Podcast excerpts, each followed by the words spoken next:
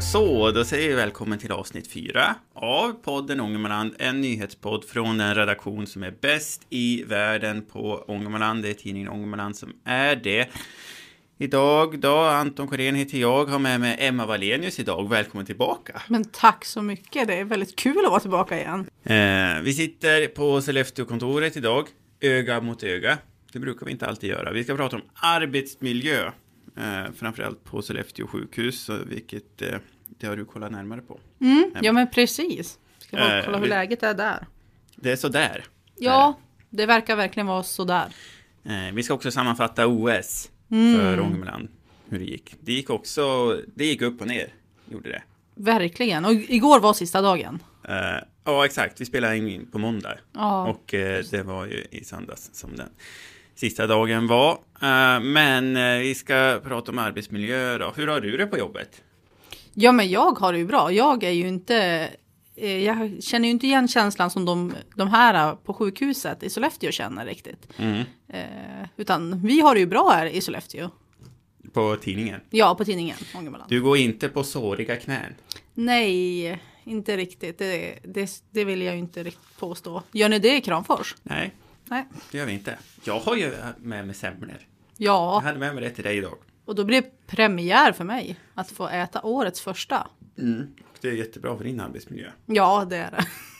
Otroligt bra. att vi ska äta semlor sen. Men på Sollefteå sjukhus då, det här med att eh, man går på knän som är alldeles såriga, det skrevs i en insändare förra veckan. Det var sjuksköterskan Frida Annikas dotter Flodström som skrev om det här, att arbetsmiljön är, ja, den är jättedålig, vilket leder till att jättemånga har sagt upp sig. Till exempel kan man behöva jobba mellan 21.00 på kvällen till 12. Mm, det var väldigt långa pass de har fått eh, knåpa ihop. Alltså till 12 dagen efter. Ja, jo, precis. Och inte tolv. Annars hade det varit ganska kort paus. Annars hade det varit ett ganska kort pass.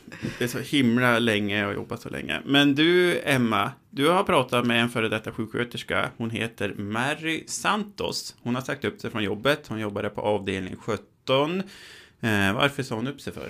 Ja, men hon, eh, hon eh, var en av dem. Alltså, vi ska nästan gå tillbaka lite i historien. I somras pratade vi för, för, redan med Mary och några till som jobbade på avdelning 17 som berättade om att arbetsmiljön där var ganska ansträngd och just då så skulle de till, då drog de in 5000 kronor som de hade blivit erbjuden som ett tillfälligt stöd.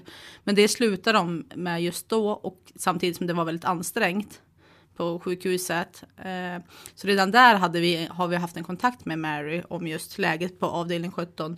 Men eh, efter det, efter sommaren och hösten så valde hon i oktober att eh, lämna in sin, sin uppsägnings... Eller hon valde att säga upp sig helt enkelt. Mm. De där 5 000 kronorna, det var väl någon sorts...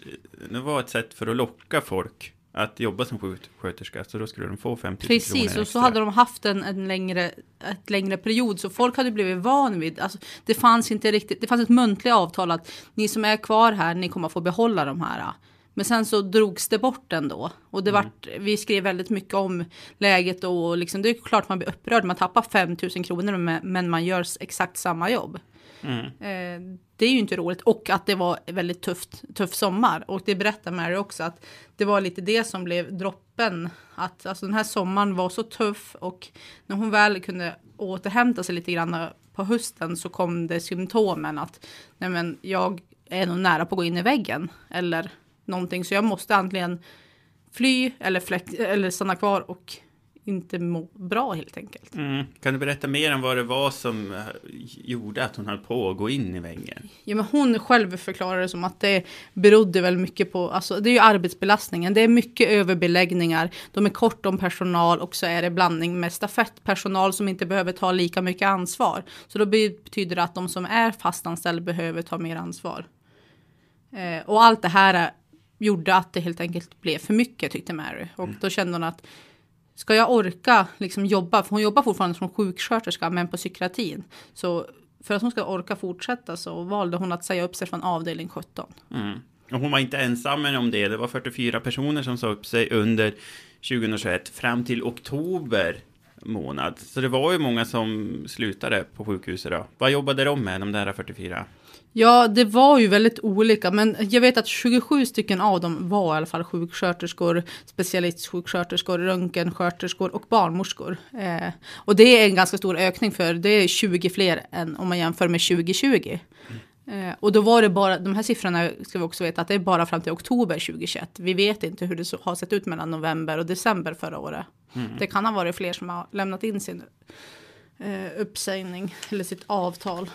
Vad kan man säga om hur det påverkar verksamheten då? Alltså, det är väl jättemånga som har försvunnit. Det måste påverka verksamheten jättemycket. Ja men absolut, jag, man kan väl bara spekulera fritt själv hur det skulle påverkas om det skulle vara så mycket personalombyte på ett ställe. Det är klart att det, de som väl stannar kvar, det blir jättejobbigt för dem, för de är de enda som kanske till slut kan liksom, jobbet just för den här avdelningen. Då får ju de ännu större ansvar, de som väl väljer att stanna kvar. Eh, det blir svårt att rekrytera personer tänker jag om man ser att varför är det så mycket folk som byter? Varför vill inte folk vara kvar? Mm. Det är ju inte en attraktiv arbetsplats då. Det blir ju en ond spiral, är det där, vilket gör att region blir mer beroende av stafettpersonal, vilket de har varit i många, många år. Men nu ska region, de försöker göra någonting nu för att få folk att stanna kvar. Ja, nu ska men- de få lite mer lön. Precis, de vill ju nu lägga till och med 30 miljoner på bland annat att just höja lönen. Och det som de har kommit fram till är ju att eh, de ska höja den med 3000 kronor på, till, till sjuksköterskor. Men det är inte alla sjuksköterskor som kommer få det utan det är bara 500 av dem i länet som kommer få det. Mhm. Men vi vet inte exakt vilka än, det har de inte gått ut med. Mhm. Jaha. Men det ska vara de, hård, de lite mer hårt anpassade enheterna som jag förstår det. Jaha. Men är det inte alla som sliter ont? Jo, jag tror ju att det kan bli en sån diskussion. Eh, jag läste att Vårdförbundet eh, var lite kritiskt till det där för att det kan skapa motsättningar när liksom alla inte får höjd lön. När liksom i princip alla eh, sliter ganska så ont. Mm, ja men precis och gör ett hårt och bra jobb helt enkelt. Mm. Kommer Mergo tillbaka då om hon får 3000 extra i lön? Nej, hon sa det att eh, pengar är inte allt och absolut så tycker hon att det här är en jättebra sätt på att de gör någonting i alla fall och det kanske till slut kan man bli att det blir mindre stress men det var inte just pengarna det satt i för henne utan det var ju stressen. Eh, men det är ju det de försöker se till så att stressen blir mindre genom att de kanske får mer personal dit. För som jag förstår eh, insändaren Annika hon heter Frida, Ja. Annikas dotter. Ja men precis. Om jag förstår insändaren Frida så är de nästan sex personal kort per dag. Just på vissa avdelningar i Sollefteå sjukhus. Och det är ju ganska mycket personer att vara kort per Mm. dag. Så om de får dit dem så kanske, eller får de dit mer personal så får, blir det ju såklart mindre stressfullt. Mm. Besvärligt att de har det där hela tiden. Ja, Det ska vara så. Sollefteå sjukhus är inte ensamma. Det, man har det besvärligt på alla sjukhus i länet. I Sundsvall så har de stora problem med överbeläggningar och det är också personal som sliter eh, väldigt, väldigt ont. mm. Och eh, det riskerar att drabba patientsäkerheten också. Där och även i Uvik är man hårt pressad. Jo men precis. Och det jag tycker det är lite synd för samtidigt om när man söker till sjuksköterskeutbildningen så är det ganska höga intagningspoäng. Så jag tror nog att det kanske är många som är intresserade men kanske inte kan komma in för det är ganska högt söktryck dit. Samtidigt som det behövs personal så det är lite. De skulle kanske behöva göra en extra utbildning. Jag vet inte. Jag tänker fritt nu men det är ju Mm. lite. Det är också lite dumt att folk det är jättemånga som söker till utbildningen men det är inte många som kommer in för att det- är så många med hög, höga betyg som vill komma in. Ja, och eh, när det är så dåligt med personal överallt också så Mm. kan man ju som ny, ett nyutexaminerad sköterska välja lite grann var man vill jobba och gå dit förhållandena är som bäst. Så är det ju absolut. Och man kan ju diskutera lite mer då och flytta runt när man är helt ny kanske. Du är ju sjukhusreporter du. Det skulle jag ju inte vilja säga att jag är men det har, det har ju lite blivit som så att jag är det. Mm. Eh, Men vi är väl allihopa allmän. Vi har ju inga utsatta poster, bara sporten. Ja, så är det. Men du skriver mycket om sjukhuset. Ja, Är du, men liksom det här att, börjar du bli något less på att skriva om att, liksom, att folk har det så dåligt på sjukhuset hela tiden? Nej, utan nästan tvärtom. Jag tycker nästan att det är viktigt att vi rapporterar och berättar om det. Jag har ju själv jobbat inom vården i sju år, så jag eh, kan förstå hur det är att vara långt nere i, långt nere i kedjan och liksom behöva bråka med någon som är högre upp om liksom rättigheter och förklara arbetsmiljön och att det alltid ska räknas om tid, pengar och ja, men, att man måste hoppa raster. Jag, jag kan förstå dem som, de som gör det, för jag har själv varit i liksom sådana sitser när man har behövt hoppa över sin rast för man väljer hellre att vårda en personal. Nej, vårda, vårda en, en, en eh, patient. Det fortsättning följer i det här äh, ämnet. Var så säker, man kan alltid läsa det senaste om det här och allting annat på tidningen ångermanland.se eller i appen som heter samma sak. Då går vi vidare. Vi ska prata om arbetsveckan. Emma, hur har din arbetsvecka påverkats av OS? Ja, du menar förra veckan? Förra veckan, ja. Tänker jag ju Ja, de två att senaste veckorna har det varit. Nej men det har väl, några morgonmöten har ju, har ju OS spelats på i bakgrunden i alla fall. Eh, så man har ju försökt att hängt med där man kan hänga med och speciellt när det kommer till våra, våra stoltheter både i Sollefteå och Kramfors. Mm. Våra lokala förmågor.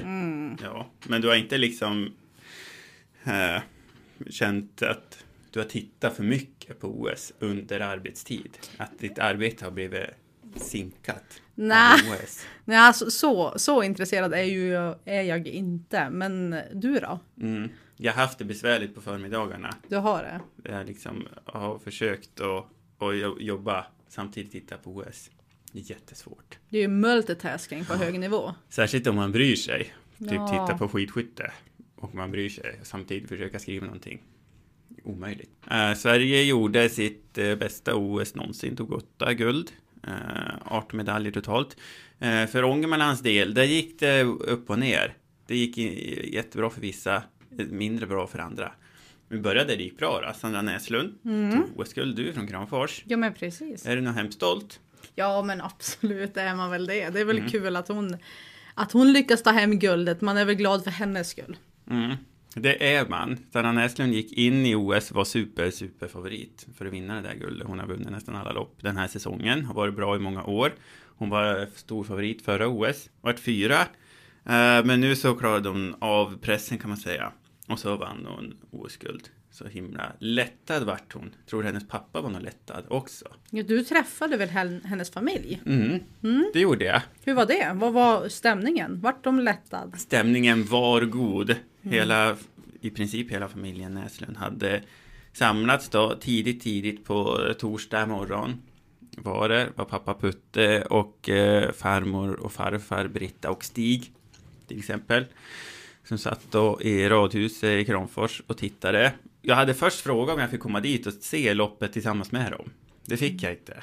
Det var för spänt kanske? Ja, och de ville att, eh, att eh, vi skulle se hur det gick först. Jaha. Det hade blivit jobbigt om det inte hade gått så bra. Ja. Eh, Men nu gick det så bra. Så då fick du komma? Då fick jag komma dit efter loppet. Var kört. Och de hade hängt upp jättestora svenska flaggor över fönstren och liksom där det stod Sanna Näslund och de var såklart jätte, jätteglad. Mm, de har ju följt henne jättenära, särskilt hennes, alltså hennes pappa har ju följt henne jättenära. Han har varit engagerad mycket i Kramfors alpina där hon är fostrad, men hennes farmor och farfar har också uh, följt henne väldigt, väldigt nära.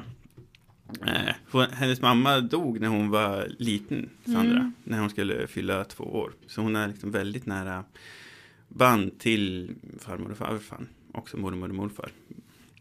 Eh, så farmor Britta, hon var alldeles rörd efter att hon vann då. Hon, hon grät för att hon var så himla, himla glad. Eh, så de skulle fira henne ordentligt när hon ska komma hem. Men nu skulle hon till Ryssland, Sandra alltså.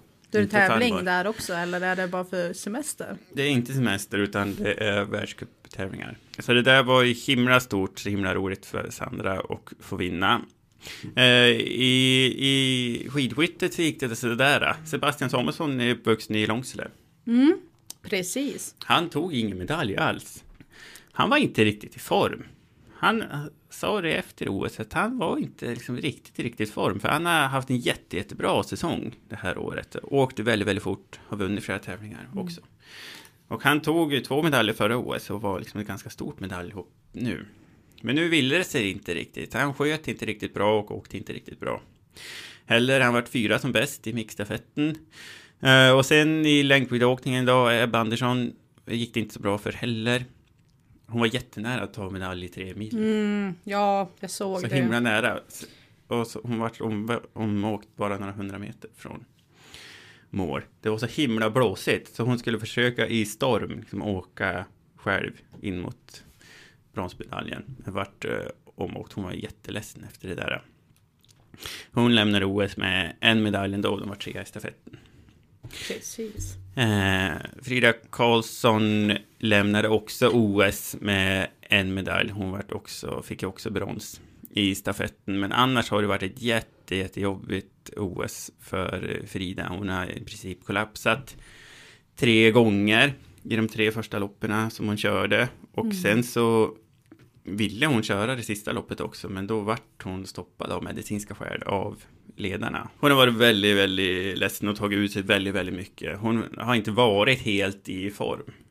Ja, men man förstår ju förväntningarna, kross, eller drömmarna krossas som hon själv har sagt i något uttalande. Att det känns som att de liksom försvinner, OS-drömmen. Eh, och det, det förstår man ju, vilken känsla det måste kännas när man förvänt, eller liksom tänker att det ska gå, gå vägen och så gör det inte det. Och så har man lagt ner så mycket energi och tid för just det här loppet. Eller de här loppen kanske inte Ja, det är det som är så jobbigt också med idrottare, för att allting, det är liksom, de kämpar så himla, himla hårt. Ja. Och sen liksom är det en tävling som räknas. Det är liksom nu man ska vara bra, och är man inte det, då är det bara skit. Ja, tänk om du skulle jobba så länge med en artikel. Ja. Och så blir den inte ens välläst. Nej, exakt, det händer ju ibland, men det, det, är inte, det är inte lika farligt för mig. Nej, men du jobbar ju inte heller lika länge som de tränar inför ett OS. Nej, visst. Med en artikel. har de tränat himla, himla hårt. Eh, så därför var det jätteroligt för Sandra att hon fick vinna det där guldet. Och det var också jobbigt för Frida. Att hon inte lyckades som hon hade hoppats på. Eh, jag har läst mycket norsk media under OS. Eh, och de har haft väldigt stort eh, fokus på Frida och att det inte har gått så bra för Frida. Där så har, tycker jag liksom de- de skriver inget snällt och jag tycker inte att Johaug, hon är inte så bra kompis heller. Nähä? Jag tycker hon kan liksom ta och vara lite schysstare. Är Eh, du ingen snäll vän? jag tycker inte hon är en snäll vän. Eh, till exempel efter det andra loppet, då kom Frida på tolfte plats. Eh, Johaug hon vann. Då fick Johaug uttala sig då och säga, ja, vad, ty- vad tänker du om att Frida? Hon verkar inte vara i form. Då säger hon eh, så här, ja, jag trodde Frida skulle vara starkare här än det hon har visat till nå, säger Johaug. Alltså hon säger att hon trodde att Frida skulle vara starkare än vad hon är. Jag tycker det är lite drygt att liksom säga så. Hon behöver inte hålla på.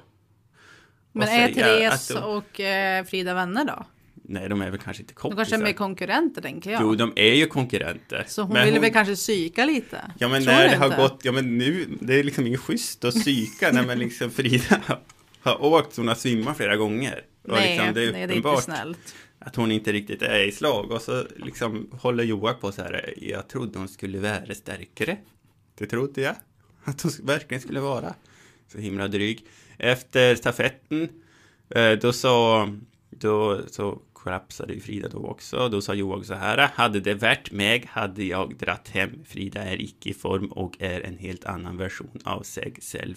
Det är nog viktigt att hon lytter till kroppen och värderar vad som är bäst med tanke på resten av världscupen. Säger Therese Johaug om rivalen efter lördagens stafett. Och så, då, ty, då säger hon att hon tyckte att hon skulle åka hem. Och det behöver hon inte heller säga. Om det hade varit jag skulle jag åkt hem. Ja, men det är tyst, för det är inte du. Uh, hon är så himla jobbig. Johaug. Är ser det lite mean girls liksom på OS? Ja, det är det verkligen. Det låter lite som så. Hade Eh, inte hon sagt till och att hon var en drama queen eller något Ja, sånt? det var en annan som hade sagt det. Det var en, det var en eh, expert i Norge som hade Mm. sagt, Astrid Öjreslind, som hade tyck, tyckte att Frida var en drama queen Mm. för att hon liksom tog ut sig så mycket. Och hon menade då att liksom Frida gjorde det för att fokus skulle vara på det istället för att hon hade åkt så dåligt. Och då så måste Frida svara på det också. Då skriver norsk media så här. OL har gitt tårar och nedturer får Frida Karlsson. Nå svarar hon på stämplet som drama queen. Så måste hon liksom svara på det, varför hon inte är en drama queen. Mhm, ja. Vad, vad gav hon något bra svar då Frida? Mm.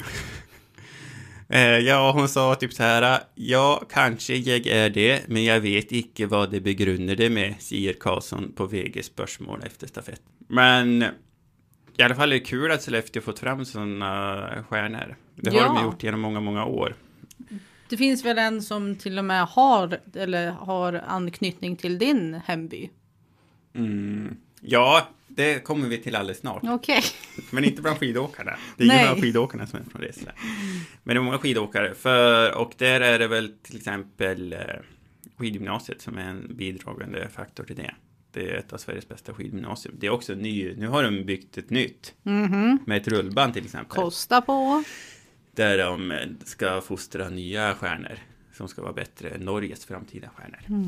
Är ju tanken. Man kanske kan lära dem också att liksom eh, battla lite med orden. Hur man pikar tillbaka när man får en, en elak pik av Ja, Therese. eller så eh, ska man vara en bra kompis bara. Också. Det kan Det man, jag man den vara. vägen kan man också välja. Ja. Johan kan ta sig en funderare. Mm. Men den du tänkte på, det var Niklas Edin ju. Ja, han vann. OS-guld i curling. Han är också en sån som har kämpat så länge. Han har, det var sitt fjärde OS. Han har kommit trea och tvåa förut. Och fyra. Eh, Och har vunnit VM hur många, gånger, hur många gånger som helst. Så det var jätteroligt att han fick vinna OS-guld. Han har ju sina rötter i Resele, Niklas Edin. Han är uppvuxen i Sidensjö. Mm. Men hans morsa är från Resele. Och hans mormor och morfar också. De hade kiosken där. Ja, ja, okej. Mm. Där har man köpt mycket götta när man var liten. Nu Så du den- kan ha sprungit på han alltså? Eh, det har jag absolut gjort. Säkert. Jag är väldigt bra kompis med hans kusin. Jaha, Mm. Så det var roligt att Resele också fick ett OS-guld. precis. Mm. Fler än Danmark. Det här var veckans avsnitt av podden Ångermanland. Läs de senaste nyheterna på tidningen ångermanland.se. Man kan också ladda ner appen. För appen är toppen. Lyssna igen om en vecka. Kommer ut varje tisdag. Så är det. Emma, ska vi säga så för idag? Det gör vi. Tack och hej. Ha det!